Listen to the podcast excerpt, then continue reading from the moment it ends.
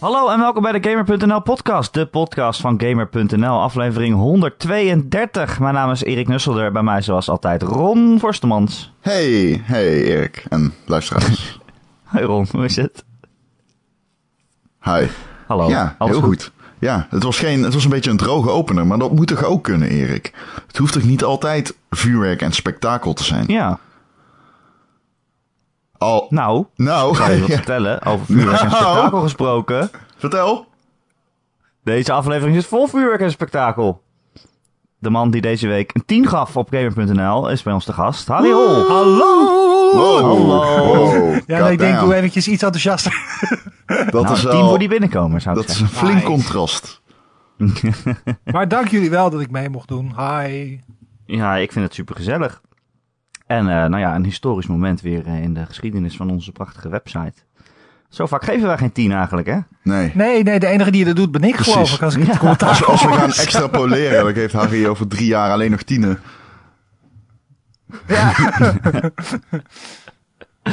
Ehm, nee, we hebben het over eh, Echo Arena, een eh, spel voor de eh, Oculus. Ja. Dus eh, in VR. Eh, en die heeft een 10 gekregen afgelopen weken, Harry. Vertel, wat is, wat is het voor game precies? Ehm, als, het, als je het beschrijft, doen woorden het eigenlijk geen recht. Maar heel simpel is het, eh, het is Rocket League in eh, gewichtloosheid. Drie tegen drie spelers eh, zweven in een arena. Die doet denken aan de film Ender's Game. En de bedoeling is om een discus in het doel van de tegenstander te mippen, te, te gooien. En dan scoor je dus punten. Dus het is eigenlijk, het is basketbal, voetbal, hockey, maar dan in zero G. En dat is fantastisch. En dat, dat doet dingen met mij waarvan ik niet wist dat ze mogelijk waren op gamegebied. Het is echt een, een van de. Het is een enorme doorbraak op het gebied van virtual reality gaming. Ja, want het is op de Oculus dus, hè? Wat, hoe, hoe werkt het precies? Maakt het gebruik van roomscaling en, en dat soort dingen? Nou, ja, het is meer room destruction. Ehm, je speelt het spel eh, staand met eh, de VR-headset op je hoofd. En je hebt eh, twee touch controllers, heet dat. Dat zijn VR-controllers. Die zorgen ervoor dat jouw handen gevolgd worden in, in de ruimte. Dus als jij het spel Ja. speelt, heb je gewoon vingers en handen en zo. die kunt was bijvoorbeeld toen wij Star Trek Bridge Crew met jou speelden. Dat je dan, wij, wij speelden op de PSVR en jij met die touch. En daardoor kon jij heel goed dabben en wij niet zo goed. Ja, Ja, nou ja, dat soort dingen. Maar ehm, ik, ik weet dat je mij meteen probeert te lokkeren. Maar Nee, maar het was meer, jij kon bijvoorbeeld echt met je vingers wijzen. En, en dat Ja. konden wij niet, want wij hadden echt gewoon lompe stompjes als, als armen. Ja. ja, het is, het is nog niet move controllers. Het is nog niet allemaal één op één. Maar eh, in ieder geval, de beweging is wel één op één. Maar de, de, de handsimulatie is wel enigszins abstract. Maar dat doet er niet toe. Je, de- je speelt dus staand en je, je, in het spel heb jij, ben jij een soort robot-avatar. Ehm, en eh, je hebt eh, aan je handen, je linker en je rechterhand heb je een raketmotortje. En als je die indrukt, ga je dus vooruit in de richting waarin je handen wijst. Dus een beetje Superman-achtig vliegen. En je hebt nog een booster waarmee je eh, in de richting waarin je kijkt even een extra snelheidsboost geeft. En zo navigeer je door de 3D-ruimte heen. En ehm, ja, dat doe je dus met z'n zessen in die grote arena met allemaal obstakels in de weg. En probeer jij eh, samen te spelen en te scoren. Het klinkt zo simpel, maar als je, als je het eenmaal aan als je het speelt, je, je, je zit erin, vergeet je letterlijk je echte wereld. Je, je, eh, je moet het ook eigenlijk spelen met eh, drie sensors, dat je je hele kamer kunt gebruiken, dat je gewoon vrij kunt ronddraaien. En je hebt vrij veel ruimte nodig, want dat is wat ik bedoelde met room destruction. Want ik heb dus mijn bureaulamp heb ik kapot geslagen. Ik heb een peertje van mijn leeslamp heb ik kapot geslagen. Gisteravond ben ik nog omgevallen en bijna door mijn eh, HD-tv heen gekletterd. Ja. Ik heb mijn eh, boekenkastplank heb ik eruit geslagen. Niet op de kat gaan staan, toch? Eh, we hebben een nieuw jong katje, dus ik heb de deur dicht als ik aan het spelen ben. Want ja, dat wil je niet op je geweten hebben. Maar het, het punt is een beetje, je hebt, wel, je hebt wel een soort beveiligingssysteem in de Rift. Dat je, eh, je kunt afbakenen wat je veilige speelruimte is. En als je er doorheen gaat, zie je een soort grid verschijnen voor je ogen. Zodat je daar niet overheen gaat. Maar ja, het grote probleem is als je midden in de strijd zit en je probeert iemand anders op, je- op zijn hoofd te timmeren omdat hij de disk van je af probeert te, te, te Ja, dan denk ik niet aan een grid. Dan denk ik alleen, ik moet die disk hebben. Dus, en, en ik ben dus niet de enige. Ik heb dus foto Reddits gezien van mensen die echt letterlijk door een grote tv heen geslagen hebben. En monitors. En ja, de, de, de schade loopt inmiddels al in de, in de, in de duizenden euro's. Eh, nou, weet je, Harry, het klinkt eh, best als een simpel spelletje. 3 tegen 3, zei jij. Een soort van Rocket League. Uh, bij Rocket League heb ik ook zoiets van: oké, het, is, het is leuk en het is leuk om te spelen. Maar of het nou gelijk een 10 is. Nou, ik heb hem zelf en het was geen 10. Maar, maar wat is het nou, wat maakt het nou zo goed? nou, nou, op meerdere, meerdere redenen. De eerste is op technisch niveau. Het is namelijk. Ehm, als je VR-spellen speelt, heb je een heel groot risico dat je uh, daar misselijk van wordt. Op het moment dat jij. Dus een beetje, als mensen aan VR denken en ze willen dat spelen, denken heel veel mensen: ah, ik wil graag zoiets als Call of Duty of Skyrim spelen, maar dan, zo, maar dan met een VR-bril op mijn hoofd. Dus dat ik gewoon met mijn joystickje kan lopen in de richting waar ik heen wil en dan ga ik zo door die wereld heen bewegen. Nou, als je dat doet, word je kotsmisselijk. Dat is echt projectile vomit time, dat is echt verschrikkelijk. Hm. Dus hm. dat soort beweging, dat werkt niet. En er zijn allerlei labmiddelen om mensen in VR door die wereld te laten bewegen zonder dat je misselijk wordt. En een ervan is dan uh, teleporteren. Dan wijs je naar een plek en dan zap je daar naartoe. Ja, dat, dat, is irritant. Nou ja, het, het, het, ik, ik vind het wel heel goed werken in sommige spellen als ze erom ontworpen zijn. Dan prima. Maar het, het, is niet dat je denkt van het is niet de ultieme beste oplossing. En wat uh, Echo Arena en Lone Echo van dezelfde makers beide hebben gedaan, is een manier van bewegen ontwikkelen. Waarin je de volledige vrijheid hebt om te bewegen en te gaan waar je wilt. Uh, echt op een hele natuurlijke manier. Dat je vergeet uh, dat, dat, je, dat het niet echt is. Zonder dat je er ziek van wordt er zijn wel mensen die worden een beetje duizelig of ongemakkelijk. Er zijn altijd mensen gevoeliger dan ander. Maar, ja, maar is dat meer omdat rondzweven in Zero G je waarschijnlijk sowieso misselijk zou maken? Nou, dat is het, het, het, de truc is, er zijn een aantal dingen die ze gedaan hebben. En een ervan is dat je nooit, tenminste het kan wel, je kunt de optie aanzetten, maar je, je, je tuimelt niet, je kantelt niet. Dus je, je hebt altijd boven is boven, beneden is beneden. Oh, godzijdank. Ja, dat, dat is heel fijn, want daardoor is het, het is dan niet wetenschappelijk realistisch, maar fuck dat. Uh, je hebt altijd een anker dat je weet. Het is eigenlijk meer vergelijkbaar dat je in een groot zwembad bent. Weet je wel? Dus je hebt altijd, je hebt wel 3D beweging, maar je bent altijd gewoon op en neer is gewoon waar het is.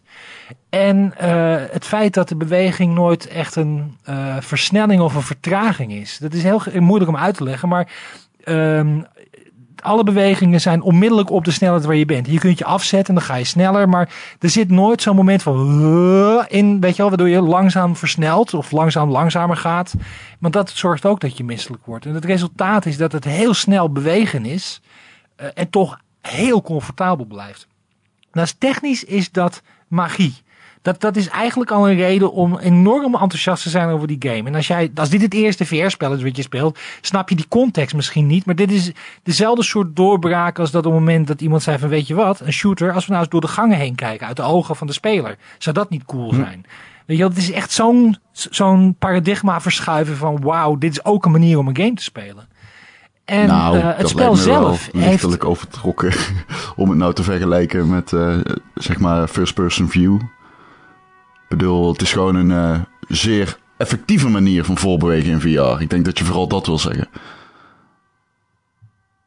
Nou, ik bedoel dat het dit laat, uh, voor, voor mijn gevoel, heeft dit veranderd wat VR zou moeten zijn en wat VR uh, optimaal gebruikt. Dit is voor mijn gevoel een soort template, deze besturing en deze manier van navigeren, waar meer games gebruik van gaan maken. Voor, uh, het, feit dat het voor mij uh, echt een, een, een, enorme doorbraak, technische en comfort, comfortdoorbraak is, maakt dat, dat je opeens een hele andere manier van spelen en veel hoger gevoel van, noemen ze presence, dat je echt gaat geloven in je virtuele omgeving. Dat is al gigantisch. Maar het spel zelf heeft ook, je kunt zeggen het is simpel, je hoeft alleen maar een discus in het doel van de tegenstander te gooien. Maar ja, dat is bij de beste sporten en spellen is dat zo.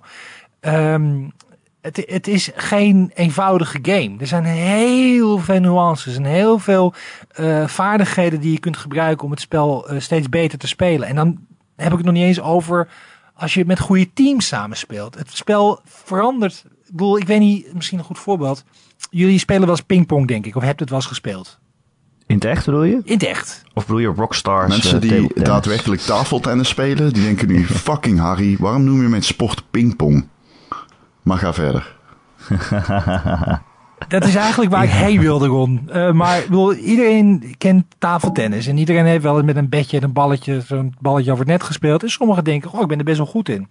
En dan kijk je, en ik, ben, ik heb het van de week eens gedaan. Dan ga je eens kijken naar hoe de topspelers spelen. Hoe de echte allerbeste Chinese, de crème de la crème van de tafeltennis, tafeltennis spelen. Dat heeft niks te maken met wat jij denkt dat tafeltennis is. dat is een soort schaak op uh, anabole steroïden. Dat is, dat, bij ja, okay. de, wordt, er zijn maar geen rallies. Weet je zo vaak behandeld in de podcast. Easy to learn, hard to master. De beste spellen komen vanuit simpele eenvoud als fundering. En daarmee kun je grandioze dingen doen. Ergo Rocket League, uh, ergo Counter-Strike, ergo de spellen die uh, balans en eenvoud centraal stellen. Dat is wat je wilt zeggen, denk ik. Oh, Overwatch, Overwatch in zekere zin wel, maar nou, minder. Overwatch heeft wel meer variabelen. Uh, dus dat, is, dat gaat niet echt op. Maar Rocket League bijvoorbeeld wel. En ik denk in die Ja, trant, Rocket League, ja. vind je ook Echo Arena.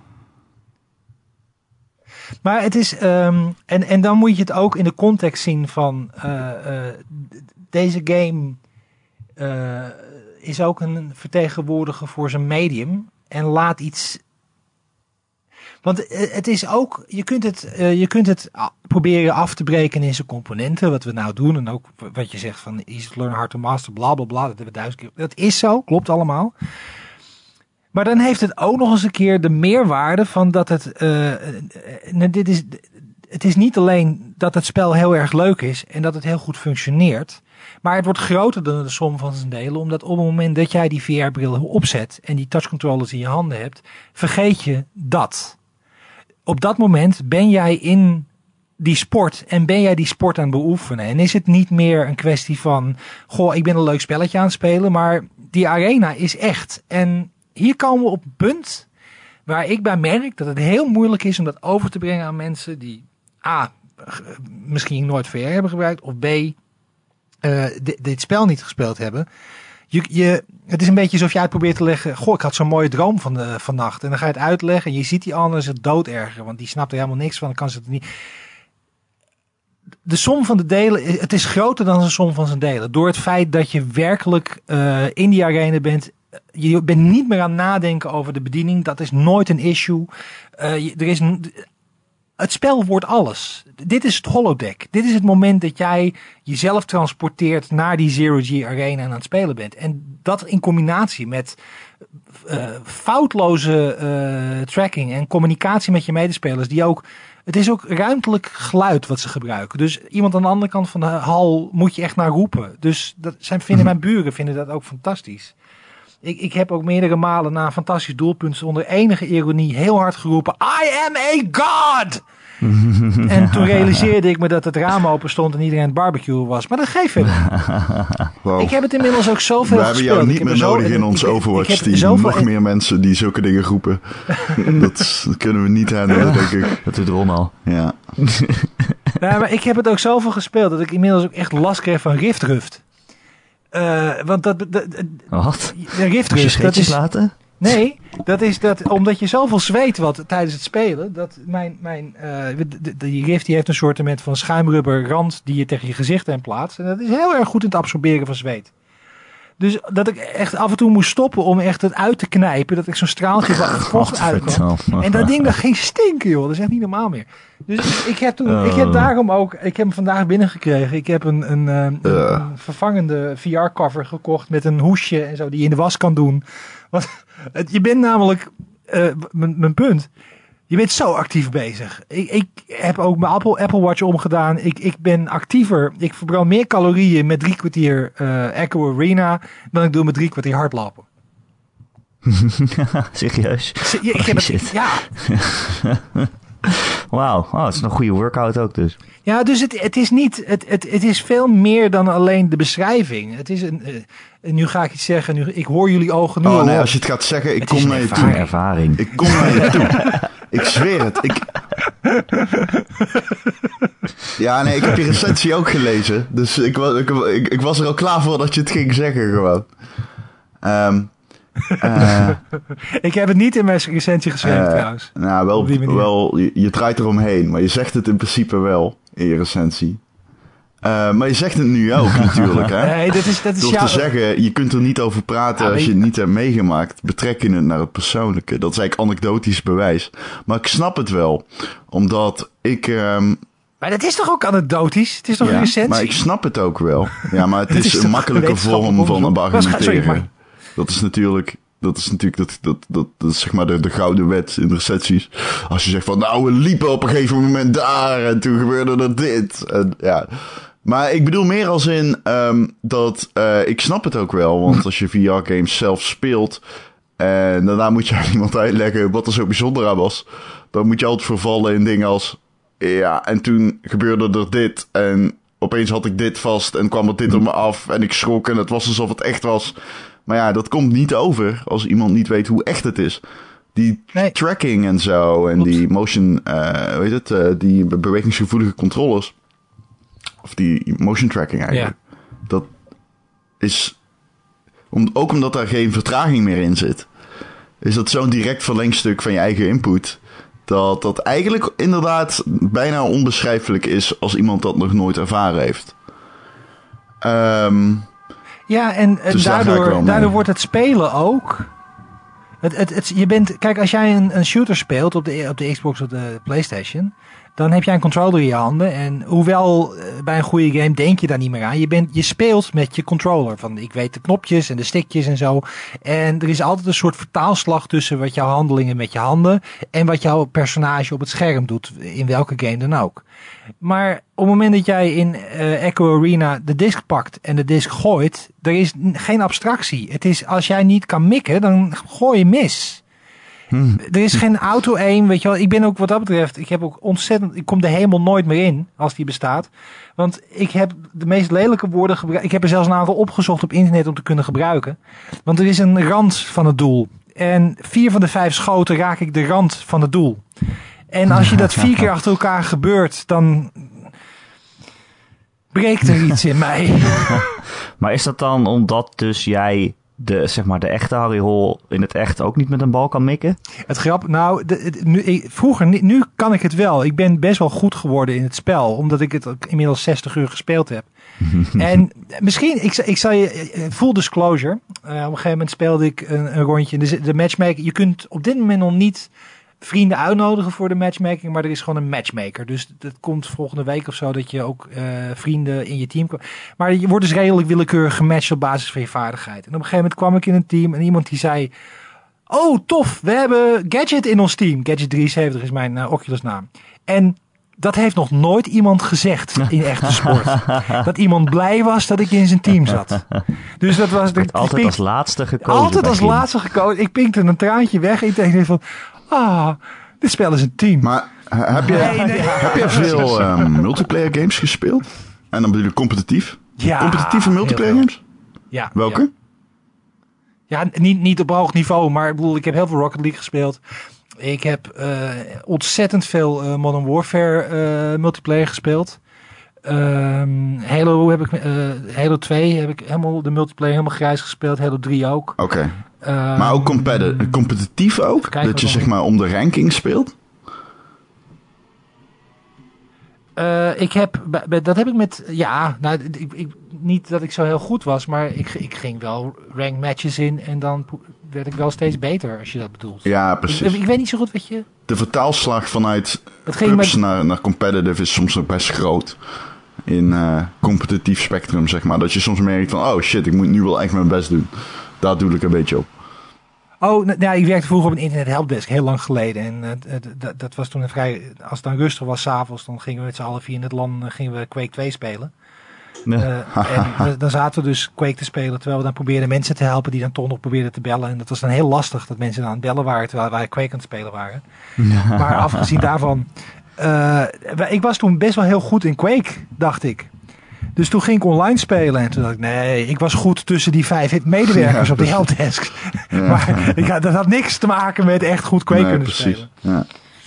Dus ik snap wel wat je bedoelt. Er zijn grote sprongen in van kwaliteit Ja, die je moet Maar ik bedoel het ook omdat ik probeer in te schatten hoe hoog de skill ceiling is in Echo Arena. Kijk, want op een gegeven moment zeg jij in je recensie van... ehm, ehm, Echo Arena is een van de beste games in jaren, zeg jij. Dit is een van de beste games in jaren. Voor een Ja. 3 versus 3 competitive game, zodat een prestatie van zal ongenaakbaar zijn. Als dit een van de beste games in jaren is, dan doet het, dit is geen onontgonnen gebied. Dit is gebied dat al ruimtelijk verkend is door vele, vele titels. Dat naar een heel hoog niveau is getild door Rocket League. Wat een game is die zijn skill ceiling. Nou, die geeft bijna definitie aan het begrip skill ceiling. Eh, als je kijkt naar e-sports, Rocket League, er- dat kan ik. Zelfs mijn vader kan ik een potje Rocket League laten zien op e-sports niveau. En dan zegt hij: wow, di- die gaat dat leuk vinden, zeg maar. Omdat dat zo de basisbeginselen zijn zo makkelijk, maar wat je ermee kan doen is zo extreem enorm tof en zo absurd. En je kunt vier kurkentrekkers maken, drie loopings en daarna een bal in een netje leggen. En dan wordt iedereen helemaal gek. En dat vertaalt zich heel goed naar, zeg maar, een arena vol mensen die een sport zitten kijken natuurlijk. Ehm, ehm, dus ik wil heel graag weten waar deze game dan Waar, waar plaatst die? Binnen welk spectrum zit die dan? Want dan moet dit beter zijn dan dat. Maar wat doet Rocket League dan minder goed dan Echo Arena op dat vlak? Als het Eh, binnen het maar, ik wil even- Ik wil even even met de advocaat, eh, ik wil even met de advocaat overleggen, want eh, ik ben zeer eh, streng toegesproken door de Nee, nee, nee, ik ben serieus benieuwd. Ik ben echt super benieuwd. Maar kijk, dat is ook een ding natuurlijk. Hè. Kijk, wat ik voorop nog even hierbij moet zeggen, en dat deze recensie, er werd een 10 gegeven. En ehm, ik kijk naar die, eh, eh, iedere recensie, ik zit natuurlijk in de eindredactie, met het oog zoals ik naar alle recensies kijk die binnenkomen. Ehm, maar, maar niet helemaal natuurlijk op het moment dat er een 10 gegeven wordt. Kijk, eh, eindredactiewerk is al een soort van schouwspel. Hè? Eh, eindredactie neemt in dit geval dan Harry's argumenten onder de loep. En eh, nou ja, als je dan een 10 geeft, dan wordt dat schouwspel zeg maar des te groter. Hè? Dan, dan, is die, dan wordt het dan nog meer tegen licht gehouden. Eh, dus vandaar, ik ga niet heel je recensie ontlenen. Maar ehm, dit is dan wel iets waar ik tegenaan zou lopen. Zo van, oké, maar jij stelt dit. Nou, leg maar uit dan. Dus ik ben heel benieuwd hoe, hoe jij dat uitlegt. Als jij zegt dat dit is niet eh, per se door VR, maar ook zonder VR een van de beste games in jaren. Nee, ho, ho. Eh, eh, het, het werkt alleen in VR. Ja, ja, maar die ook nog eens maar- mogelijk maar- is in VR. Maar, Zoals je het dan zelf zegt. maar het, het is alleen. Het is dus, ik vind dit spel als competitieve game beter dan de, alle competitieve games die ik gespeeld heb. Of ze nou in VR of niet in VR waren. Het, het is een leuke game. Het is niet een leuke game voor een VR-game. Maar dat, Dat is wat ik, du- wat ik heel duidelijk wil stellen. Het is gewoon een ontzettend toffe, goede game. Ja, maar Ja. zonder VR... eh, Kan je niet spelen. Maar dat is namelijk. nee, maar dat is wel ja. een Precies, maar game dat- op Ja. den duur eh, zijn, zeg maar, zijn, zijn rendement beloont zich uit omdat het een goede game is. En niet omdat het in VR is. Die dingen intertwinen op een gegeven moment. Ja, Maar op een gegeven moment gaan die ook weer uit elkaar. Nou, nee, maar kijk, je kunt, kijk, het, het, je kunt die 10 niet helemaal loszien van het medium. Ik bedoel, even dat voor de duidelijkheid. Het is ook een 10 omdat het dingen doet in dit medium. En de hardware rechtvaardigt op een manier die ik nog niet eerder gezien heb. Dus dat sowieso. Dat is, dat, dat is wel even een ding wat ik belangrijk Nee, vind. Want Oké. eh, het is ook een doorbraak, weet je wel. Op, maar eh, even op, op jouw punt, wat een hele uh, terechte en logische vraag is. Van, eh, is het dan echt gewoon zo'n goede... Ja, Maar Dat wat is dan? het. Wat, Omdat- wat dan? Want binnen dat, ik wil zeg maar, ik geloof dat het een goede game is. Rocket League is ook een goede game. Ik wil weten wat hem beter maakt. Ja. Weet je, ehm, het, het, ma- het, voor mij maakt het het, het is, sowieso is het persoonlijk. Hè? Ik kan me heel goed voorstellen dat als jij het speelt, dat jij het dan een 9,5 geeft. Weet je wel, misschien 9,7. dat snap ik. Maar eh, wat, wat het voor mij eh, zo goed maakt, is eh, dat alle eh, abstracte la, dat is niet helemaal waar, maar eh, alle abstractie van het spelen zijn eruit gehaald. Jij bent dit aan het doen. Je bestuurt niet een robot. Je, eh, jij bent dat spel aan het spelen. Eh, Er is geen.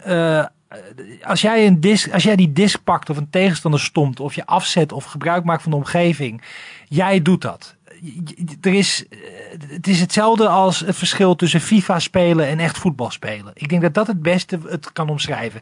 Je kunt een geweldige FIFA voetbal eh, eh, eh, eh, eh, eh, het spel spelen en het heel erg tof vinden en FIFA waarderen en wauw wat geweldig dat voetbal. Maar het is geen voetbal. Het is een abstractie van voetbal. Echo Arena is de sport die het nabootst.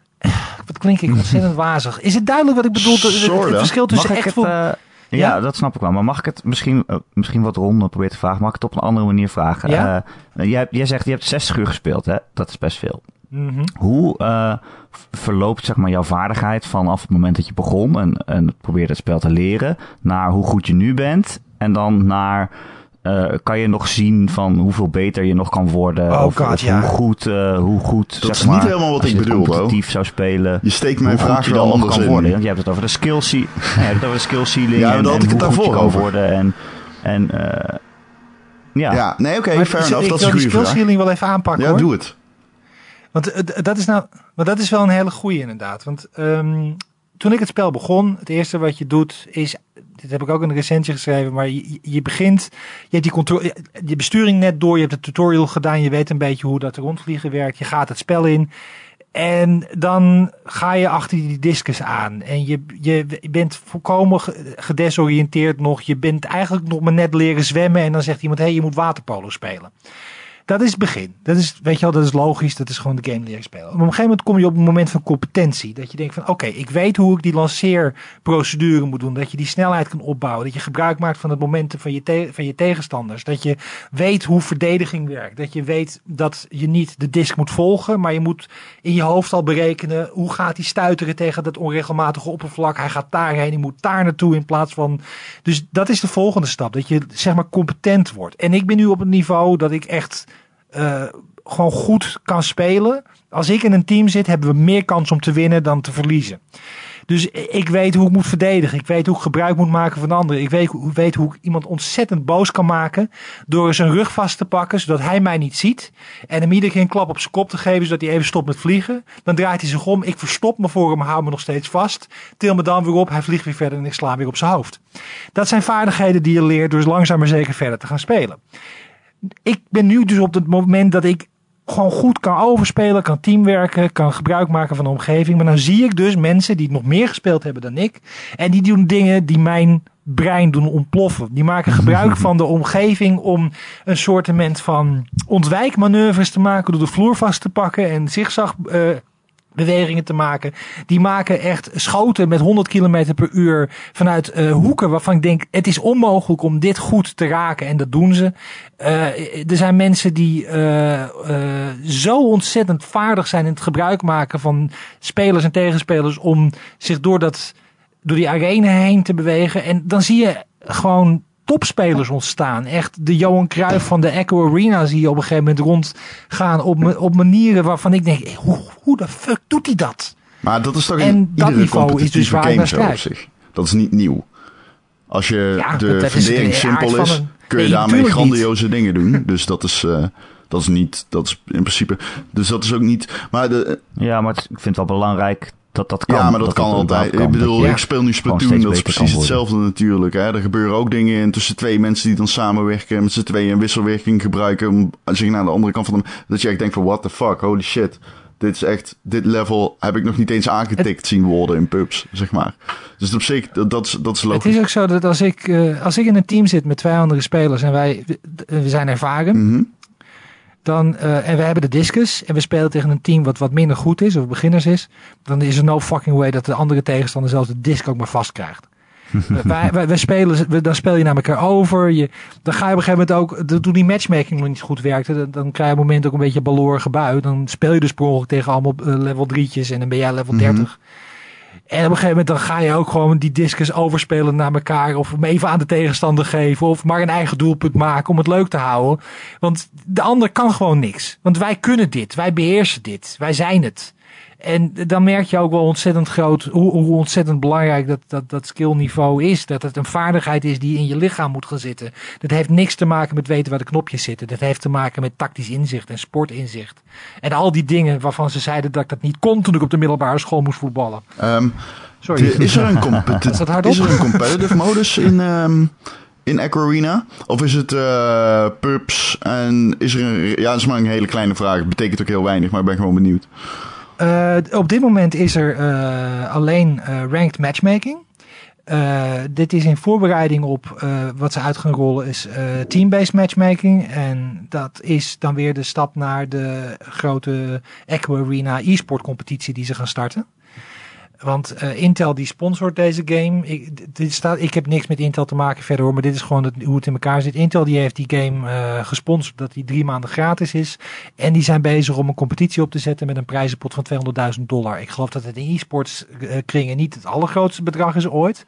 Nee. Maar het is wel een, ze gaan wel echt een liga oprichten. Ik geloof dat er in totaal dadelijk vanuit alle spelers 16 teams van drie gedistilleerd Mhm. worden die die competitie ingaan. En dat is dan zeg maar het, het, het, het, het topniveau. Waarvan ik dacht dat ik daarin zou kunnen komen totdat ik die mensen zag spelen waar ik het net over had. Oké. Oké. Nou, tof. Ik, ja, ik wil het graag proberen. Ja, het is ook weer zo'n game waarvan je echt natuurlijk ruimte nodig hebt. En zo'n een Oculus en sensoren en, en controllers. Dus ik weet ook niet of heel veel mensen eraan toekomen om het te spelen. Dat is eigenlijk ook weer zonde dan natuurlijk. Maar het is ook een Ja. spel wat je. Kijk, voor een deel heeft het ook te maken met of je van dit soort spellen houdt. Weet je, want ik heb ooit eh Kerbal Space Program een 10 gegeven. Om een aantal redenen waar ik nog steeds helemaal achter sta. Ik heb, over, ik heb ook gevraagd aan de eindredactie of een 11 ook mogelijk was, maar daar werd er moeilijk over gedaan. Maar dat, dat, het, het, het feit dat ik het een 10 geef, wil niet zeggen dat ik denk dat iedereen het even tof vindt als ik. Ik denk alleen dat dit een mijlpaal is op het gebied van gaming en VR-gaming. En ik denk dat datzelfde geldt voor Kerbal eh, en voor andere spellen die een 10 hebben gekregen op Gamer.nl. Dat doe je niet alleen maar omdat je het zelf heel leuk vindt of omdat je denkt dat iedereen het leuk vindt. Maar omdat Nee, het dingen zo. doet die het genre verplaatsen. Die, Ik heb die, dat die, niet. Die, de, Ik de zal grens verleggen. Ik eh, moet het nog spelen. Ik zie dit. En ik denk dat het te veel leunt op bestaande dingen om te, daarvan overtuigd te zijn op dit moment. Als ik... ehm, ik heb best wel... Ik, Want jij hebt streams ik- gezien, hè? Ja. Nee, ja. Ik heb heel veel begrip voor jouw opmerkingen met betrekking tot je moet het eerst spelen en dan pas kun je er iets over zeggen. Want dat is heel logisch en dat zeg ik altijd in de eindredactie ook als, zeg maar... Maar gewoon op basis van argumenten. Ik vind gewoon, misschien, het is een beetje in rooskleurig ingesteld, denk ik dan. Maar laten we het daar niet over hebben. Wat ik wil weten is, jij zegt op een gegeven moment in je recensie dat de... ehm, dat dit, nou moet ik het goed zeggen. Volgens mij zeg je dat Echo Arena, ehm ehm, ja, hoe zeg je het nou? De, de Rift een onmisbaar apparaat maakt. En dan denk ik, wauw, er zijn heel veel HTC Vive dit is het gebruikers spel die jou nou haten. Ja, dat, dat, dat is niet nieuw op zich. Maar ehm, nee, maar de, de, de, de term die ik gebruikt had in de recensie toen ik hem inleverde was must own device. En daar is een onmisbaar apparaat van gemaakt. Ik weet niet of ik daar helemaal mee eens ben. Want je kunt heel goed leven zonder een Rift. Dat betekent hetzelfde. Maar eh, als het gaat over een. Ja, maar ik vind het een. Dit is een, eh, dit is een reden waar je een Rift koopt. Dit is, het, dit is het spel. En ook het soort amusement waar je een Rift voor koopt. Dit is het niveau. Of dit is een spel waarvan je denkt van oké, dit zo'n ding is nu 449 euro. Dat is best wel veel geld. Wat kan ik ermee doen? Is er een reden om dit te kopen? Ja, want dan kun je Echo Arena spelen. Ja, ik moet zeggen, ik heb wel even zitten googlen naar eh, riftjes. Maar eh, Nee, maar weet je, dat, kijk, het, er is één groot probleem wat ik steeds maar merk als, als ik andermans recensies van eh, VR-spellen ook lees. eh, is dat eh, die spellen vaak gerecenseerd worden vanuit het open van ja, maar kan ik hier, is dit een reden om een Rift te kopen? Nou, heel vaak is die ene game dat niet. Maar kun je zeggen dat al die games samen wel de moeite waard zijn om dat nieuwe genre te, eh, eh, of dat nieuwe medium eh, uit te proberen? Maar er is nog nooit iets geweest waarvan je zegt van ja, dit is echt zo ontzettend tof. Hier moet je absoluut 100%. En nu heb ik voor, voor het eerst met deze game, ook in combinatie met Lone Echo trouwens, het gevoel van ja, dit is nou die game waar je dit voor koopt. Omdat dit, dit is de ervaring die je nergens anders kunt krijgen. Die ervaring zit super goed in elkaar. Doet technisch dingen die fantastisch zijn. Het is ontzettend leuke game die je heel lang kunt blijven spelen. Dit is waar je een riff voor koopt. Maar is het ook baanbrekend? Is dit een nieuwe mijlpaal? Want dan vind ik het concept actueel Ja. gezien, dus daar vind ik het eerlijk gezegd gewoon te zwak voor. Of te bekend, te eigen, niet, niet innovatief. Niet, het maakt innovatief gebruik van bepaalde Ja. concepten. Door een heel goed idee te zijn, Ik bijvoorbeeld de manier waarop je voorbedrijft. Maar je kan het, bedoel ik. maar, volgens mij kan je, het, kan je het niet loszien van hoe goed het VR gebruikt. Ik bedoel, dat zit ook bij die team. Als het alleen een balletjes overgooien spel is, dan heb je misschien gelijk. Maar ik denk toch ook dat het aspect van eh, de grenzen voor VR verleggen daar toch ook Oké, bij hoort. dat is zo. Maar, wacht even. Maar als Eerst collectief eerst, dan... even het anders. Hoe, hoe, hoe kun je... Hoe kun, je, hoe kun je zeggen dat, dat, dat, dat dan die, al die argumenten die je nou geeft niet gelden voor Zelda Breath of the Wild? Wat doet Zelda Breath of the Wild? Omdat Zelda Breath of the Wild Wat voor originele ideeën hebben zij nou die we nooit eerder hebben gezien? Het gaat bij hen om de uitwerking. Het gaat om de manier waarop ze allerlei dingen in elkaar zetten. Hoe ze eh, dingen perfectioneren. Maar laten we wel wezen, het is gewoon een open wereld game. Het is gewoon een Zelda game. Het is gewoon een combat game. Het is gewoon nee, een nee, nee, conceptueel is, kun je van Zelda zeggen dat het dingen doet die niet eerder gedaan zijn. Hoe dat spel jou in een wereld zet en tegen jou eigenlijk jouw nieuwsgierigheid prikkelt. En tegelijkertijd constant communiceert van alles wat je wilt doen. Dat kun je doen. Dat doet The Witcher niet. Dat doet GTA niet. Dat is de eerste keer dat een open wereld game dat doet. Ja, nou ja, dat, is- maar dan heb je het over dat nuances. Dat is heb je, grensverleggend Nee, darling, dan heb je het over nuances in het genre. En dat is nou precies waar we het hier over hebben. De, de, de, de, de- je- de- de- je- Nee, want dit is. Nee, want ik, wil, ik kreeg geen antwoord op de vraag: wat doet deze game beter dan Rocket League? Wat doet deze game? Speltechnisch, gameplay gewijs, i- zeg maar, gameplay technisch. Wat doet deze game beter dan Rocket League, wat dit een van de beste games in jaren maakt? Ten opzichte van een game die dit genre op de kaart heeft gezet. En wat, wat eigenlijk een hele markt heeft gekweekt voor dit soort spelconcepten in competitieve zin. Want kijk naar Twitch, kijk naar eh, de, de, de, de, de e-sports verdeling. Dan zie je dat Rocket League daar opeens een heel eigen segment van heeft ingenomen. Iets waarvan mensen helemaal niet dachten dat dat zou kunnen met al die MOBA's.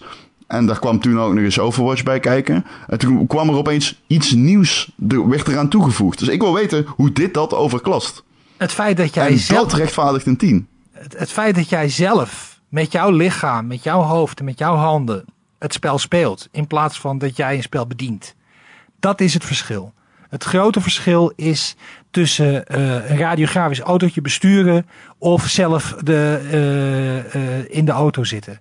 Het verschil tussen FIFA spelen op een scherm of zelf die bal in het doel trappen. Dat is het verschil. Dat is wat deze game eroverheen. Al, al die andere competitieve games abstraheren de, game, de, de situatie en zorgen ervoor dat jij als speler eh, wel eh, absoluut controle erover hebt, maar er is altijd een laag tussen. Jij bent degene die van buitenaf de zaken in de game bestuurt. In dit geval ben jij degene die het werkelijk doet.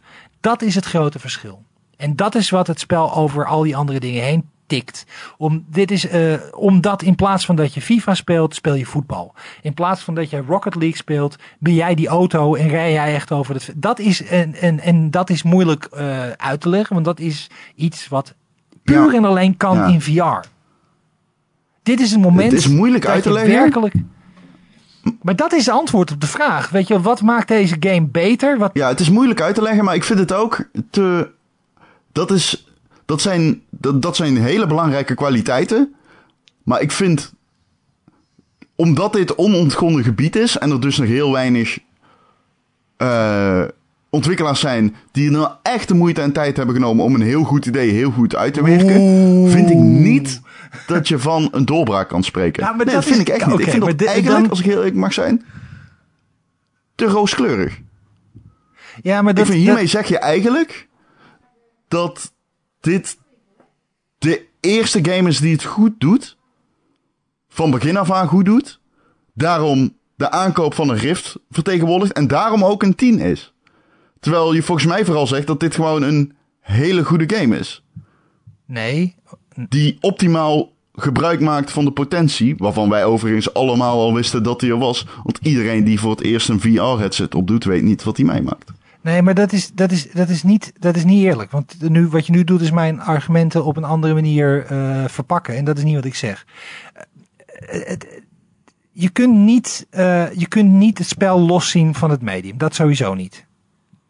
Maar ik, eh, je- wat jij nou zegt is dat, het, dat, dat dit het eerste game is die het goed doet. Nee, maar dit is wel de eerste game, in mijn optiek, die zo ontzettend eh, alles, eh, eh, die, die de besturing oplost, wat een enorm probleem was. En, daar, en, en dan niet alleen dat demonstreert, want er zijn bijvoorbeeld, je hebt een, een, een app die heet Space Station ISS. Dat is een gratis app die je kunt downloaden van Oculus Home. Waarin je op bijna dezelfde Mhm. manier je voortbeweegt als in Echo Arena, maar dan in een ruimtestation, het, het echte ruimtestation ISS zoals we dat in onder, om de aarde hebben draaien. En dat is een hele mooie demo Mhm. van dat soort manier van voortbewegen. En dat laat zien dat die manier van voortbewegen goed werkt. Heel tof, geen 10. Dit, dit spel is Nee. d- net als dat je. Je had ooit vroeger op de eh, Atari ST, jaren geleden. eh, had je al een doolhofspel. waar je in de eerste persoon rond eh, moest rennen. met een soort Pac-Man hoofdje. en andere tegenstanders kon wegschieten. Dat was een heel leuk concept. en heel, heel weinig mensen zagen dat. Maar dat is gewoon, ja, het is wel leuk, maar het zal wel. Maar pas toen eh, Wolfenstein eh, eh, dat hele concept van een first-person shooter. tot echt een game maakte. was dat echt een doorbraak. Nou, hetzelfde is hier. Dit is de eerste keer dat op een hele goede en kwalitatief hoogwaardige manier. een nieuwe vorm van besturen en een nieuwe vorm van spelen. in een nieuw medium op zo'n manier uitgewerkt zijn. dat ze dat alles klikt. Dat het op alle cilinders begint te, te, vuren. Dat het werkt. Dat het spel heel leuk is. En je kunt. Je zegt het is vroeg. Ja, natuurlijk is het vroeg. We zijn er maar een jaar of vijf bezig met serieus VR-games ontwikkelen. Maar eh, je- ik vind dat het ook mijn taak is als journalist om te signaleren: dit is het kantelpunt. En met alle context die ik heb van de afgelopen 40 jaar videogame ervaring, ik ben zelf 44, ben begonnen met spelen in de jaren 70. eh, en eh, de- eh, het hebben van een Rift een jaar in huis en daarvoor het volgen van het medium, denk ik dat dit op dit moment echt een kantelpunt is in, in zowel technisch als gameplay kwaliteit. En daarom vind ik dat dit spel meer is dan de som van zijn delen. En dat dit een historisch moment is voor VR, dat deze game Ja. dit doet. Ik, eh, ik ben benieuwd. Ik, Ik eh, ik, ik kan het er niet mee eens zijn op basis van eh, wat ik ervan weet. Ik moet hem spelen. Ik ga er met heel veel plezier induiken. Maar ik wil me echt ver onttrekken van dat het een kantelpunt is of een historisch hoogtepunt. Ik denk dat het gewoon bepaalde dingen heel erg goed doet. En ehm, ik hoop dat het zijn vruchten. Ik hoop gewoon dat het de vruchten afwerpt. Het is een bekend spelconcept en het is. Ik vind die manier van navigeren, zoals je jezelf door de omgeving trekt, is perfect. Dat is, er is zo goed over nagedacht. En dat sluit perfect aan bij wat je van een competitieve VR-game, laat competitief maar weg, wat je van een VR-game wilt. Het lost heel veel problemen op met een heel simpele en super doeltreffende spelmechaniek. Dus ik ben heel erg benieuwd wat ze daarmee gaan doen. En dat vind ik wel heel cool. Ik had het zelf laf gevonden Dus- van mezelf als ik het een 9 had gegeven. Eh, van, wat, omdat, omdat ik dat historisch besef er wel in zie. En ik zie er wel een. Dit, is een moment waarop. Dit was ook. Dit ontplofte ook. Hè? Op het moment in VR-kringen. En dat is niet zo'n hele grote kring. Er zijn geloof ik wereldwijd eh 2 miljoen headsets verkocht. En dat is inclusief de PlayStation VR. Maar dit, deze game resoneert op zo'n manier op dit moment. En niet alleen trouwens Echo Arena, maar Lone Echo, de singleplayer game ook. Uh, die resoneert op dit moment op zo'n manier dat je er is, er gebeurt hier iets wat, uh, wat gewoon echt game historisch belangrijk is. Ja, je hebt gelijk als het zo blijkt. Ik uh, ben uh, vooral sceptisch, maar we gaan het zien. Ik heb eigenlijk ja, altijd gelijk, gelijk met dat ja, goed, ja. Maar, je, kunt die, je geeft nou een 10 met het oog op in de toekomst gaat het een kantelpunt worden. Of gaat blijken dat het een kantelpunt wordt. Dan is het gerechtvaardigd. Dan is het legendarisch. Ja, maar dat is het, dat is het fijne van mij. Ik heb eigenlijk bijna altijd gelijk. het gebeurt me heel nou, zelden dat ik, ik ongelijk heb had. gespeeld, het was geen 10. Kijk, en, en, ja, Kerbal was geen 10. Ja, dat, dat was het wel. Maar je, je hebt gewoon nog niet genoeg gespeeld. nee, maar gaan we nou al mijn 10 in twijfel trekken? Wat is dit? Harry, je hoeft alleen maar Modern Warfare 2 nee, te zeggen. Het is zo niet, makkelijk. Nee, nee, Modern Warfare 2. Was dat een 10? Ja, ja dat klopt. Ja, het was ook al 16. dus dat scheelt. Toen draaide ik geen 40 jaar, maar één jaar mee. ja, de, kijk, uh, daar, is, kijk daar, overigens, geloof uh, mij we gewoon. hebben een artikel geplaatst op de website over, over alle tienen uh, door de story van Gamer.nl. Ja, en uh, daar zit ook van Modern Warfare 2 in. En zoals Arthur al schrijft, de- destijds waren heel veel mensen het ermee eens.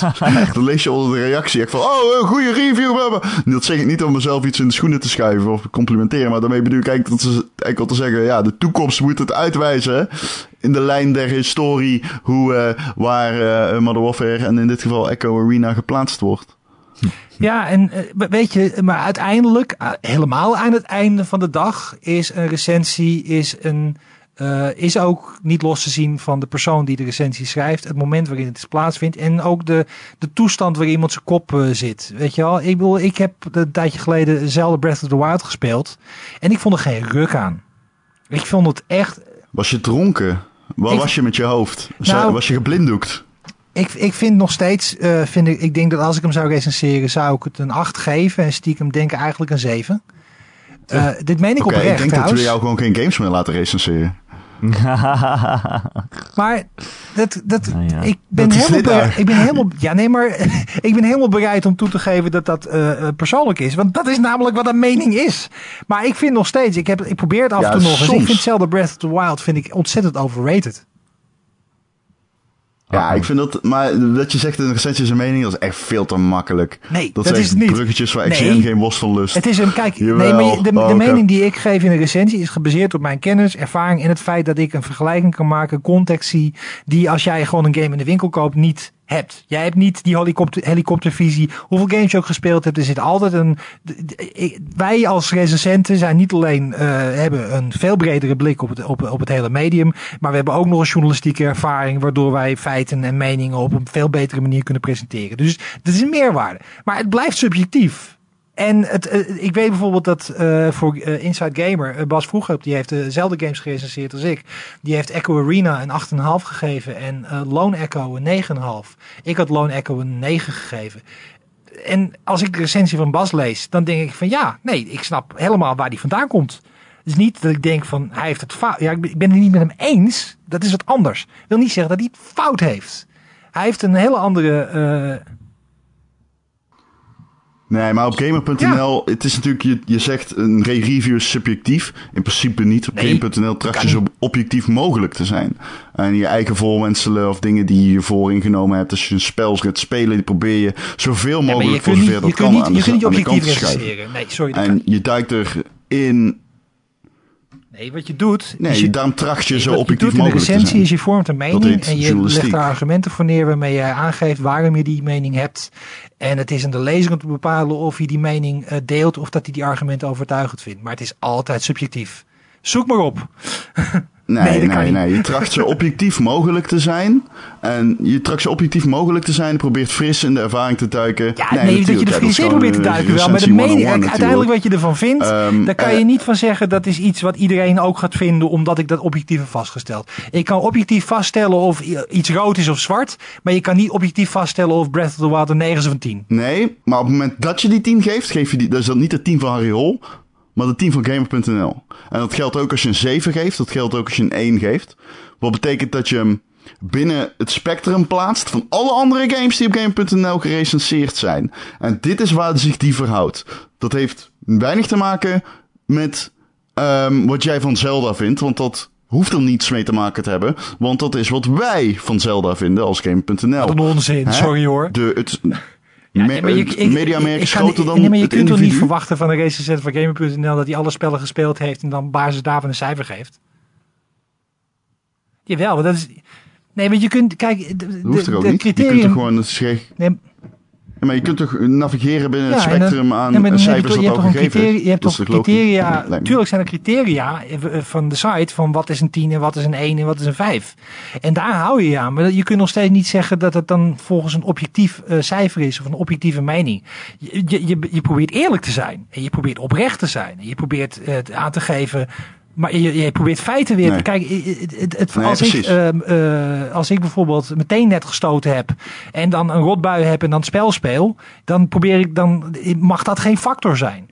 Maar uiteindelijk, of, of, ik, of jij Kerbal leuk vindt of niet, dat is niet een objectief iets. Ja. Dat is gewoon niet zo. Ja, dit Ze- wordt nu wel heel simpel, maar eh, ja, dat snap, dat, dat snap ik. Maar ik bedoel meer te zeggen dat ehm, je, kunt wel, je, je moet dat niet als excuus gebruiken van, oh, het is een mening. Het is geen excuus. Want, Het is, eh, eh, het is een mening, maar je probeert ook je vak te doen. Nee, maar, ja, maar dat, ik, ik, Dus dat is wel belangrijk voor een recensent Nee, om te ik- omarmen, vind ik. Anders heb je een soort van vangnet voor jezelf gekweekt. En dat, is- dat, daar moet je ook op ja, het afgerekend is, Nee, maar wacht even. meer... Je bedoelt toch, toch meer van als recensent... Ik bedoel, wij zijn recensent. eh, ik bedoel, iedereen kan zichzelf recensent noemen. Maar je, je bent pas een goede recensent als, je- omdat je heel veel games gespeeld hebt. En eh, daardoor kan je je eigen ervaringen vergelijken met vorige games. Of dingen die iets beter hebben gedaan of juist niet. Dus daarom plaats je het wel in een spectrum Juist. van in de, in de hele gamegeschiedenis. En dit is zo en zo goed Ja, tuurlijk. omdat dit en dit en dat. En bijvoorbeeld, je kan wel objectief zeggen of een game mechanic werkt of niet. Ja, nee, maar dat natuurlijk, dat, dat is allemaal wel waar. Maar dat, Ja. ik bedoel, waar ik een beetje allergisch voor ben, is dat er in de dat, dat er discussie, dat eh, recensies een soort ijzeren eh, objectieve feitelijkheid met zich meebrengen. En daarom vind ik ook cijfers heel misleidend, omdat de cijfers aangeven dat iets meetbaar is. En dat is het volgens mij niet. Als jij kijkt naar andere eh, eh, kunstuitingen, weet je wel, games zijn ook een kunstuiting. Als je kijkt naar films of boeken of naar andere, eh, of naar muziek, dan eh, zie je ook heel vaak dat de recensies uit elkaar liggen. Dat dezelfde film door dezelfde recensent, door, door twee recensenten ofwel de hemel ingeprezen wordt of de grond ingeschreven wordt. En de- iedereen weet, degene die dit schrijft of de, bron waar dit vandaan komt. Een recensie in de New York Times heeft een andere eh, invalshoek dan een recensie in, eh, weet ik veel wat, een, in de Donald Duck of zo. Dus je, je, je hebt, de, er is een, een, een, natuurlijk een context van waar het vandaan komt. En daar hebben jullie gelijk in van Gamer.nl staat voor dit en dit en dit vinden wij dat het een 9 of een 10 waard is.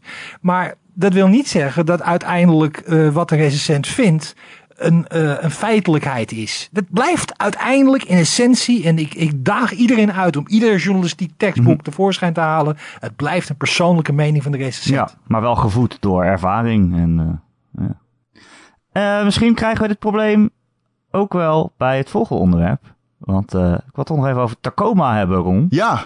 Oh man. Eh, de nieuwe indie game van eh Fulbright. Om maar even een fijne brug dwars door jullie heen te maken. Ja. ja. ik wilde het kussendrager Eh. noemen en dergelijke. Maar vertel. Ja. Fulbright, ja, dat is natuurlijk de maker van Gone Home. Een indie game die eerder hoge ogen gooide. En ja, in wat schertsend de, walking simulator genre wordt genoemd. Eh, en wij hebben die, ja, zijn die allebei aan het recenseren, Ron. Ik geloof toch ook dat Ja. onze mening niet helemaal overeenkomt. Nee, nou als je het eens hebt over wat Harry zegt, dan is dit een mooi toonbeeld ervan. Ehm, ja, nee, ik ben wel positief over die game. Ja, ik ook. Dus dat- ik ben- eens. Ik ben echt positief over die game. Eh, maar ik heb Gone Home gespeeld. Ik vond Gone Home eh, heel mooi. En op dat Ik ook. persoonlijke vlak resoneerde dit bij mij veel minder. Het persoonlijke wat zo belangrijk is voor dit type game. Dit, voor mij, dit had minder... ehm, je kan zeggen raakvlak. Maar ik vond het ook minder doeltreffend in dat opzicht. Nou ja, laten we het even, even schetsen. Want eh, eh, in Tacoma ben jij een, eh, ja, wat ben je eigenlijk? Een, een astronaut en je komt op een Nou, je verlaten... kunt het denk ik best zeggen door dat niet te zeggen. Wat? Je kunt denk ik best gewoon zeggen, Uitleggen er is een gebeurt. ruimtestation. Dat ruimtestation heet Tacoma.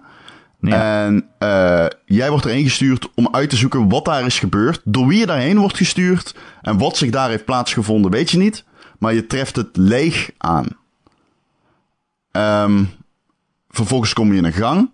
Die gang is onderverdeeld in een heleboel andere segmenten van het ruimtestation. Die gang is een hub eigenlijk. Vanuit daar ga je naar verschillende segmenten in het ruimtestation.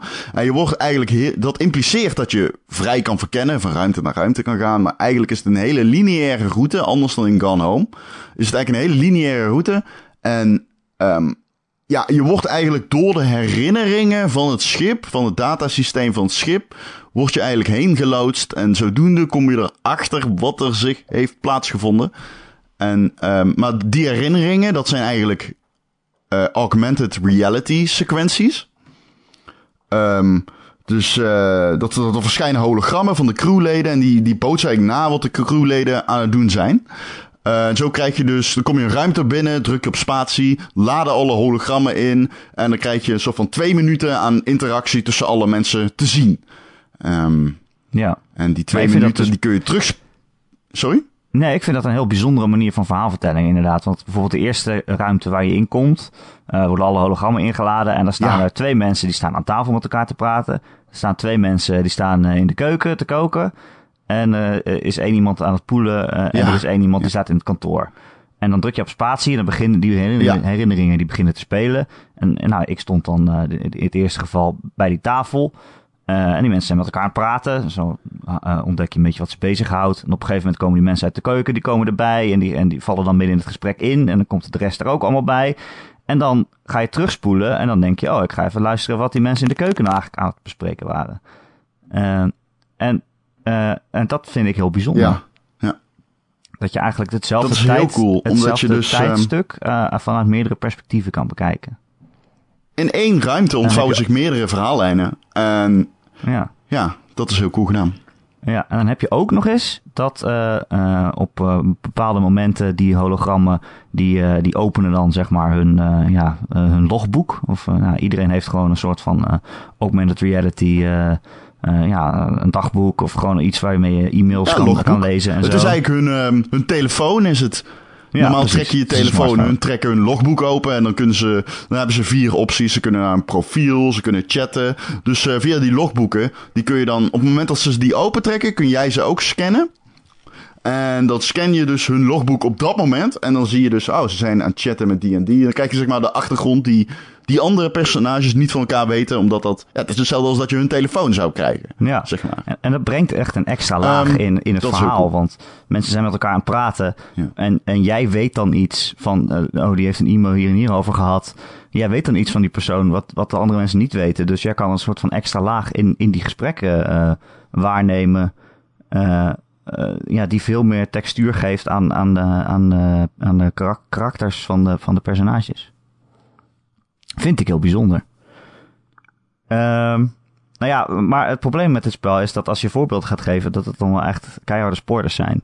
Want elk moment wat mij op die manier zo verrast heeft, als ik dat nu ga vertellen, dan, dan, ja, dan, dan vermindert dat de impact voor, voor iemand anders die, die het ook mee gaat maken. Dat vind ik dan. Ik het niet zo goed uitleggen, maar het is wel bijvoorbeeld eh, als ze met z'n allen met elkaar staan te praten en daarna gaan ze allemaal hun eigen weg. En je, en je volgt iemand die, die net nog in een gesprek zat en je volgt iemand en dan. eh, dan zie je hoe die, hoe die, eh, hoe die zelf met dingen omgaat. eh, die andere personages niet te zien krijgen. Ja. ja, ik kan het niet uitleggen Nee. zonder het te spoilen, denk ik. Dat is wel jammer. Nee, dat is moeilijk. bijzonder. Je kunt nog wel een paar dingen be- benoemen, misschien net als in Gone Home.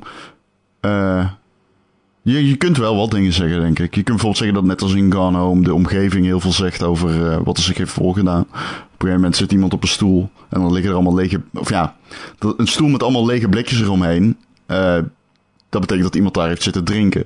Dus dat binge drinking, zeg maar. Dus dan kom je daar Ja. weer achter en...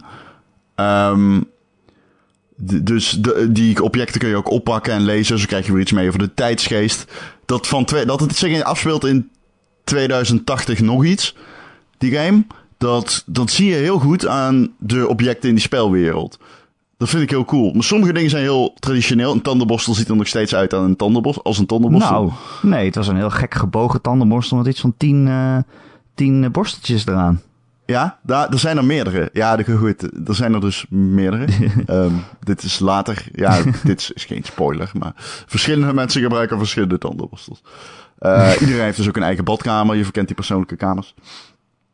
En zo kom je dus ook over, door die spelwereld kom je dus dingen over mensen te weten. Door die de- dingen op te pakken, ze te lezen, briefjes, eh, etensresten, blikjes. Maar ik vind ook, de- het plaatst die tijdgeest heel mooi. Eh, je hebt wel echt het gevoel van, oh, dit is de toekomst. En Gone Home deed dat Het namelijk ik de jaren 90 zo fantastisch. Die, die boyband posters en die videobandrecorders en zo. Ja, dat was echt cool. En deze game doet dat ook, alleen dan met het, ja, het futuristische eigenlijk.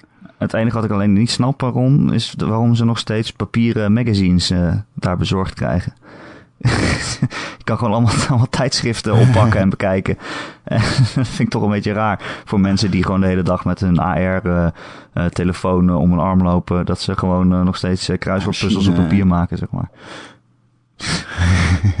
Ja, klopt. Ja, misschien iedere, hebben ze een soort van, iedere keer als de Russen weer eh, nucleair afval naar in de ruimte schieten, dat, eh, dat ze dan ook even een drone meesturen die de magazines kon brengen of zo. Ik weet het niet.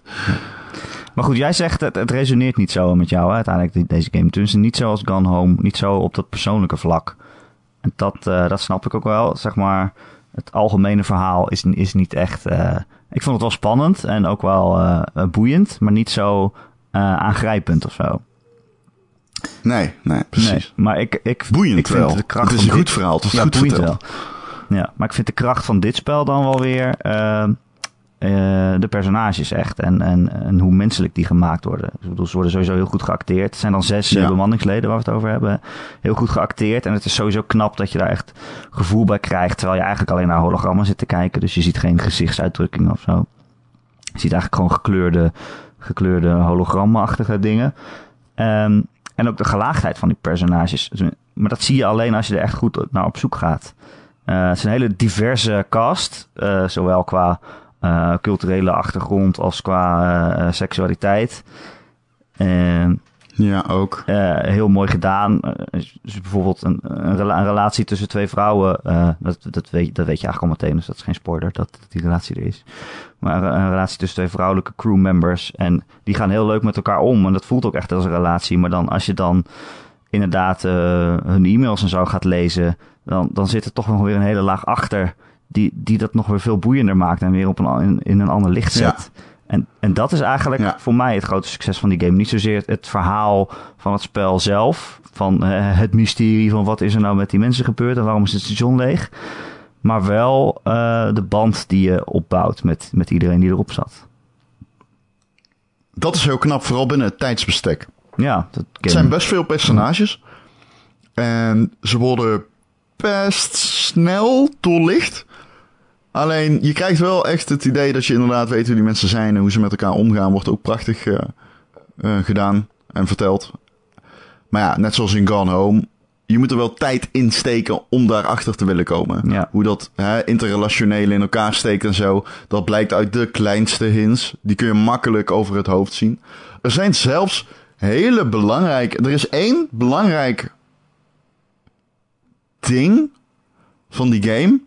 waar je zelfs niet achter kunt komen en hem toch uitspelen. Oh jee, dan ben ik Ehm, benieuwd of ik weet wat je bedoelt. Ja, dus, maar dat is op zich wel tof. Ja, dat weet je. Ja, denk dat ik is zeker tof. Dat is best wel tof. Eh Gone Home had dat ook. En dat maakt een Ja, game Want bij leuk Gone Home heeft iedereen het altijd Dat, Ja, iedereen heeft het altijd over die queer teen eh, eh, verhaalvertelling. Maar er zaten nog drie verhaallijnen in die je gewoon kon skippen als je het niet ging, naar ging zoeken. En dat is ook wat dat, dat spel zo goed maakt. Ja, en niet, zo- vader, eh, niet zozeer het einde, maar ook gewoon eh, drie andere verhaallijnen die er tussendoor geweven waren. ja, maar waar een Gone Home dan blijk gaat van een complexe, een hele intrigerende gezinssituatie... is dat in Tacoma het wel en wee op een ruimtestation... en de perikelen die daar in het relationele bij komen kijken. En die opzet vind ik interessant. Ik had alleen... Ik, laat ik zeggen, het is een boeiend verhaal. Ik raad hem aan. Het heeft niet de impact, emotioneel gezien, van een Gone Home. Dat gezegd hebbende, het bouwt emotie heel erg goed op. Ehm, maar het komt niet echt tot een hele doordringende climax. Eh, wa- Wat ik daarbij vooral dan heb, is in die twee uur tijd die het zo ongeveer kost om het uit te spelen. eh ten eerste, je speelt die game uit voordat je het door hebt. Omdat je niet alle ruimtes op het ruimtestation daadwerkelijk afgaat, hè? Oh, volgens mij wel hoor. Nee, volgens mij niet. Oh, oké. nee, maar op een gegeven moment Ehm. weet je wat er gebeurd is en dan denk je toch wel van, oh, dat is wel het einde. Ja, maar dat zie je ook. Want je ziet zeg maar steeds aan de herinnering hoe lang het geleden is. Op een gegeven moment zie je, oh, dit is acht uur geleden. Oké, duidelijk. Dit is niet lang geleden, zeg Ja, maar. dat is echt net gebeurd, ja. Eh, ja, ja, ja. Dus dat is ook heel goed gedaan. Eh, dus ik raad hem iedereen aan. Ik, ik zeg het er alleen maar bij omdat het niet die emotionele impact heeft. En in die twee uur, het einde kwam voor mij heel snel. Had ik misschien zoiets van, nou, kijk, ik, ik heb geen behoefte aan een acht uur lange game. Dit had, hadden ze niet hoeven uitstrijken over acht uur. Ik heb alleen het gevoel dat deze game misschien... Eh, ik heb... Ik heb een beetje dat ik niet weet of dit is wat zij wilden maken. Ik heb heel erg dat ik het gevoel heb dat de coma het resultaat is van heel veel snijd, snijden en plik, knippen en plakken. Maar dat is jouw persoonlijke Ehm, mening erover. omdat- Dat is niet objectief. Nou, nou ja, eh, dat is dus niet waar. De coma is natuurlijk omgegooid. En als je naar de reveal trailers kijkt, dan... Nee ja, dat, dat is echt niet waar. Als in, ik ga hier een punt van maken. Zeg maar, je hebt eh, de reveal trailer natuurlijk, de Tacoma, daar weten we van. Het is op een gegeven moment omgegooid. We weten dat ze dingen met, met zwaartekrachteloosheid deden.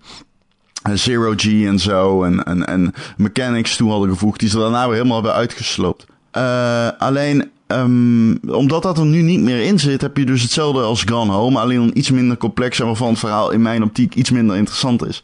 Wat het automatisch, vind ik, dan iets minder maakt. Gewoon, je, je, Ja. het, je, het hoeft niet per se iets toe te voegen, maar als het hetzelfde doet en daar net een stapje te- terugneemt in het opwekken van interesse.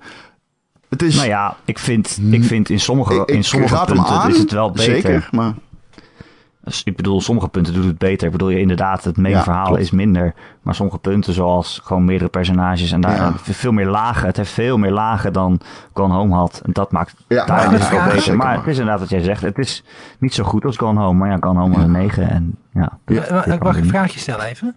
Eh, Hoe Zeker. meer jullie op praten, denk ik van dit, is, dit doet me zo denken aan Everybody's Gone to the Rapture. Ook het hele verhaal van het, Ah, eh, ja. dat die eh, personages geen gezicht hebben, maar eh, hologrammen zijn in dit geval. Maar dus eigenlijk vrij abstract blijven. En dat die verhalen zich... op- Het, het klinkt heel erg als dat. Is het, lijkt het daarop? Ja, maar het, het lijkt er inderdaad wel op. Maar ja, Everybody's Gone to the Rapture kon je wel echt vrij, vrij rondlopen en zo. En je zei Heavy Nee. Rain, toch? Of Nee, ik zei Everybody's? Gone to the Rapture. Oh. Heavy Rain, hallo. Oh, Everybody's Gone. Ja, daar lijkt het wel op. Alleen Everybody's Gone to the Rapture is natuurlijk niet heel... Ja, is het niet echt lineair. Je kunt net als in Gone Home gaan en staan waar je wilt. Er is wel een verhaal dat je moet volgen. Maar de route plan je in er, principe een, zelf. eh, er is wel een goede route, Ja, zeg maar, ja. om, door, eh, ja, om er doorheen te gaan. ja. ja maar Deze dat game niet. zo Dit echt... is gewoon... Ja, dit is echt gewoon recht doorlopen, Ja. in principe. Ik zou het Eh, zelf ja, het eerlijk er gezegd meer vergel- vergelijken met Adam Finch. In die zin dat het ook Hmm. is van... Er is iets gebeurd in een huis en het huis gaat het verhaal vertellen. Dat je ook alles op kan pakken en het kan lezen en zo. Ja, ik weet niet. Iets Finch, het draaide voor mij toch wel meer om al die kleine spelletjes en de, en de gekke ervaringen. En dat ging van de ene naar de andere personage heel snel en diepte niet echt een, diepte dat niet heel erg uit. Terwijl dit gaat niet Nee, nee, zo- nee, maar ik bedoel ja. qua opzet. Hoe je het doorloopt. Want je gaat van kamertje naar Ja, kamertje. precies. dat bedoel ik. En iedere kamer vertelt het verhaal van één personage. Dat zit daar ook wel een beetje in. Ja, nee, dat is wel zo. Ja. Ja, nou, ik vond hem heel leuk. Ja, niet zo goed als Gone Home. Ja, dat is inderdaad zo. Maar ja, die, Nee. was, die was zo goed. Ja, ik vond die wel goed hoor. Maar ik heb hem ook wel lang, lang, la- eh, lang laten liggen. Waardoor die op een gegeven moment, zeg maar, ja... Dan verliest het een beetje impact. ja, Want dit genre is niet meer origineel. Dat viel me wel meteen op toen ik te komen aan het spelen was. Van, ja, dit is toch wel echt... Sinds Gone Home hebben we dit al heel vaak gezien. ja Dat viel me wel meteen op. En, eh, nou ja. Nog steeds heel bijzonder hoor, begrijp me niet verkeerd. Maar niet uniek. Nee, maar het is wel een bijzondere manier van verhaal, een verhaal vertellen. En ja, dat zoek, daar zoek ik toch altijd wel naar in games. Dat ze eh, gewoon een verhaal goed kunnen Ja. Ik had alleen En, misschien toch wel iets meer op. Er zitten nou puzzels in te komen. Je moet zeg maar, soms dat typt Ja. iemand. Dan, dan moet je gewoon. Het is gewoon, je moet goed opletten wat er gebeurt. En dan kom Ja, je er vanzelf wel achter wat de puzzels. zijn. Het zijn niet eens echt puzzels, maar Er is een sleutel en een slot. Dat is niet echt een puzzel. toch? Nou, hoe bedoel je? Sleutel een slot? Hè? Nou ja, je vindt ergens een sleutel en ergens anders zit een deur op slot. Ik bedoel, ja. Dat ik weet niet wat je bedoelt met de een sleutel. Ik heb geen sleutel gezien. Ik de Ja, sleutels ja. altijd kwijt, dus ik ben altijd heel blij nou? als ik, eh, als ik een sleutel vind. Heb je geen één, ges- heb je geen één, geen één eh, ding op slot gezien in deze game, Ron? Want je kan inderdaad sleutels vinden waarmee je Ja, wel op eh, slot, maar ik bedoel dat je de. Ja, oké, maar de minieme interactie die zo daarmee gepaard gaat, die is. Zeg maar, dat zijn geen puzzels. Er zijn momenten dat je wel op moet letten, zeg maar. Ah ja, ja. Ja, je snapt wat ik bedoel, zonder Ja. dat ik het te spoiler. Het is geen spoiler, Dat je op moet letten in een maar dat, videogame. dat is heeft geen de game spoiler. vanzelf. Maar ik had, dat is heel minimaal, bedoel ik juist. Eh, Dat is juist heel minimaal, zeg maar, hè? Die Ja. interactie. En ik had misschien wel iets meer daarvan gehoopt. Omdat juist omdat het verhaal ook misschien wel een beetje terugschroeft in impact. Misschien wel iets meer dat je dat dan toch wel... eh, dat iets meer daarop zou leunen. Dat je af en toe ook aan het denken wordt gezet. Dat kan je dan ook heel mooi combineren met dat... eh, ja, met dat terugspoelen en zo. Ja. Ja. Nee, ja, ik, ik, meer vond dat een beetje, zo ik vond niet dan, eh, zo... Ik had iets meer, eh, gewoon, ik, het had voor mij meer potentie dan benut of zo. Hm, Ja, dat snap ik wel. Eh, maar Ga hem spelen, though. Als je dit luistert, ga hem Het is wel spelen. Echt Hij is echt een, cool. eh, echt een Ja. mooie aanrader. Ja. Eh, nou, we zijn al best wel lang bezig. Zullen we het maar gewoon afronden? Ja. Of wil je, wil je nog iets roepen? Nou, ik ben nog een andere game aan het spelen. Wat ben je aan het spelen, Ron? oh, als ik de... Nine hours, nine Oh, doors, nine... persons. Nog iets. Ik weet Hours? Doors? Nine- Persons? Persons, ja. Ja, Oké. oh, Krijgt hij ook een 9 titel. dan? Ja het is heel lelijk. 9,99. 9 Ron, wat vind je ervan? Het is Eh, een visual game. novel. Het, over, DS-game?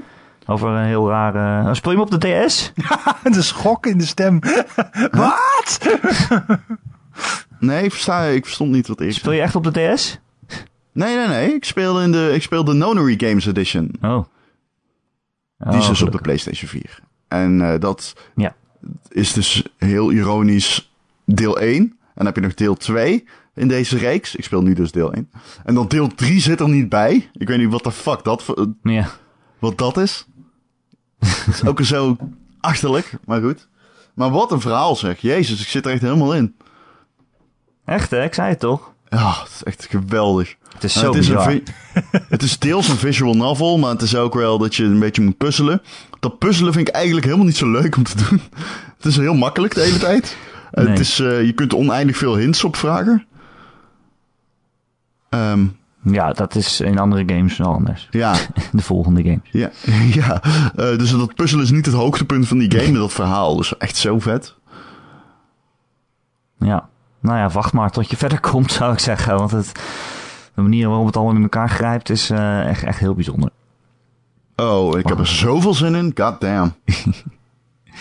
Ik ben met eh, dus halverwege deel 3 nu. Hè? Dat, is, dat heb ik vorige week ook verteld. eh, dat, die kan je niet spelen zonder de eerste twee games te hebben gespeeld.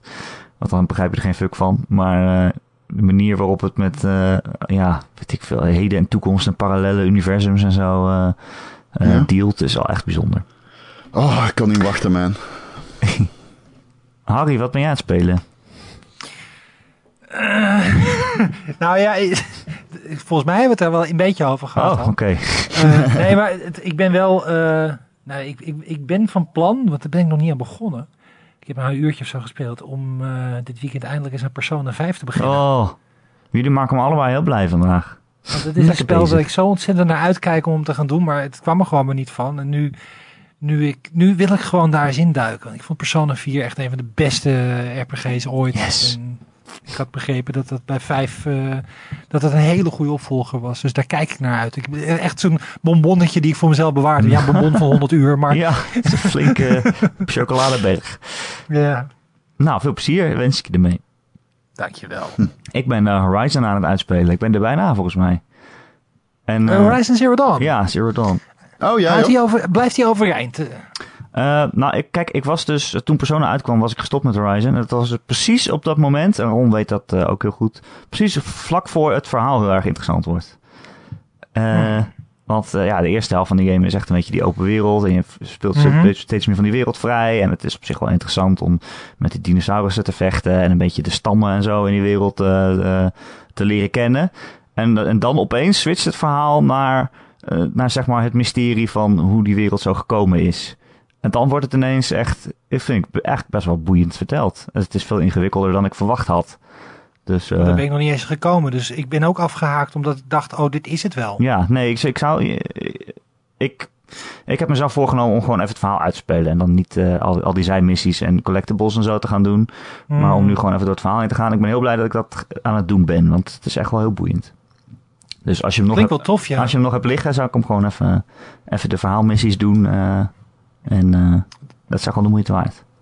Maar de belofte van het verhaal was in het begin heel goed. Op een gegeven moment toen werd het dus de open wereld. En daar was niet veel mis mee of zo. Nee, het was heel dat, leuk. Dat is, le- het is leuk, maar ik dacht op een gegeven moment, oh ja, dan is dit het. En toen ben ik op een gegeven moment ook gestopt en met andere dingen verder gegaan. Maar jij zegt dus eigenlijk, niet doen, ga door. Ja, die game wordt op een gegeven moment heel veel beter. En het is kut dat het pas op 60% van de singleplayer is. Ehm, Ja, dat is echt heel tot die zonde. tijd is het ook leuk. Ja, het is een leuke open wereld. en leuke stammen en zo en, en, en steden omheen te gaan. Maar ja, inderdaad wat Harry zegt, op een gegeven moment denk je, oh dat was het wel. Maar dan moet je toch even het verhaal spelen ook. En, en dat bedoel ik niet op de, de, niet dat ik de- want ik vind het de beste game die Guerrilla Games ooit gemaakt heeft. Ja. eh, Horizon Zero Dawn. Oh, dus ja. wat dat betreft, Kan je wel zeggen. niet dat ik daar eh, op, op poep of zo. Maar, maar ik had wel op een gegeven moment het gevoel van, ja, klaar. Ja, nee, toch even uitspelen. Ja, ik zou ermee doorgaan. Waar we ook mee Leuk, doorgaan, leuk, twee leuke games. Ja. waar we ook mee doorgaan is de Gamer.nl podcast. Want dan volgende week weer namelijk. Kun je weer een nieuwe vinden. Op onze website Gamer.nl kun je hem rechtstreeks downloaden of luisteren via YouTube of Soundcloud of eh, Stitcher of zo. Of eh, je abonneren op allerlei podcast apps waar we op te vinden zijn voor alle mogelijke platformen. Bijvoorbeeld ook eh, op iTunes. En als je daar toch bent, vinden we het heel leuk als je ook eh, een aantal eh, sterren geeft. Sterrenratingje, een reviewtje. En misschien een tekstje erbij tikt. Want dan zijn we weer beter vindbaar voor nieuwe luisteraars. En dat is gewoon heel erg super fijn. en als je er toch bent, kun je ook eh, Game Bites opzoeken. Dat is ook een leuke podcast over games. Ah, daar zit eh, dank Harry eh, elke twee weken in. Niet alleen, met, eh, samen met eh, Bastiaan Vroegop en Erwin Vogelaar. Precies. En dat doen we inmiddels al zeven jaar. Jezus Christus, hou eens op. Oh nee, gewoon doorgaan. ik luister altijd. Zo, het is nou al genoeg geweest. Ophouden, kappen. Trouwe, trouwe luisteraar. Eh, heb je een vraag of een opmerking voor deze podcast? Dan kun je mij mailen, erik.gamer.nl, erik met een k.gamer.nl. Of je laat gewoon een berichtje achter onder het artikel waar je deze podcast vindt op maandagochtend op onze website. En dat kan gewoon de hele week, want eh, we blijven dat lezen. Ja, we gaan Eh, misschien Harry, wel... dankjewel dat je te gast wilde oh, zijn. sorry. Ja, vertel. Nee, oh, van Harry Harry, dankjewel. Zeer zeker bedankt. Ja, ja, nee. ik ben door eh, Harry wel zeer gemotiveerd om een game PC nog sneller te kopen. Samen met een Rift. Ja, je moet ook nog PlayerUnknown's Battleground spelen namelijk met mij. Maar die moet nog kopen. Ja. Erwin zegt dat hij fantastisch is, dus ik geloof hem, dus die ga ik kopen. Ja, de hele wereld zegt dat hij fantastisch is. Ja, nee, maar dat boeit me niet. De enige mening die telt is die van Erwin. Dat is waar. Het is jammer dat hij niet van VR houdt, maar afgezien daarvan heb ik hem hoog zitten qua mening. Eh, Ron, wil je nog Ja? iets zeggen? Ging je iets zeggen? Jij dan? bedankt. hey mannen, dank jullie wel dat ik mee mocht doen. Ook al had ik wel af en toe het gevoel dat ik eh, in de beklaagde bank zat. Maar gelukkig had ik gelijk, dus dat maakt het allemaal toch Ja, Als je deze podcast over vijf jaar terug luistert. Echo Arena is over vijf jaar de dominante vorm van amusement. Dat is zeker waar.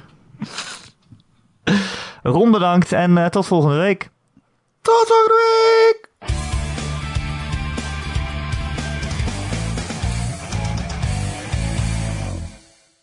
Ik probeerde mijn enthousiasme daar weg te counteren met hoe niet enthousiast ik begon. Door ze heel enthousiast te eindigen. Hallo, ik ben Ron. Hallo. ik ben Ron. Hallo, ik ben Ron.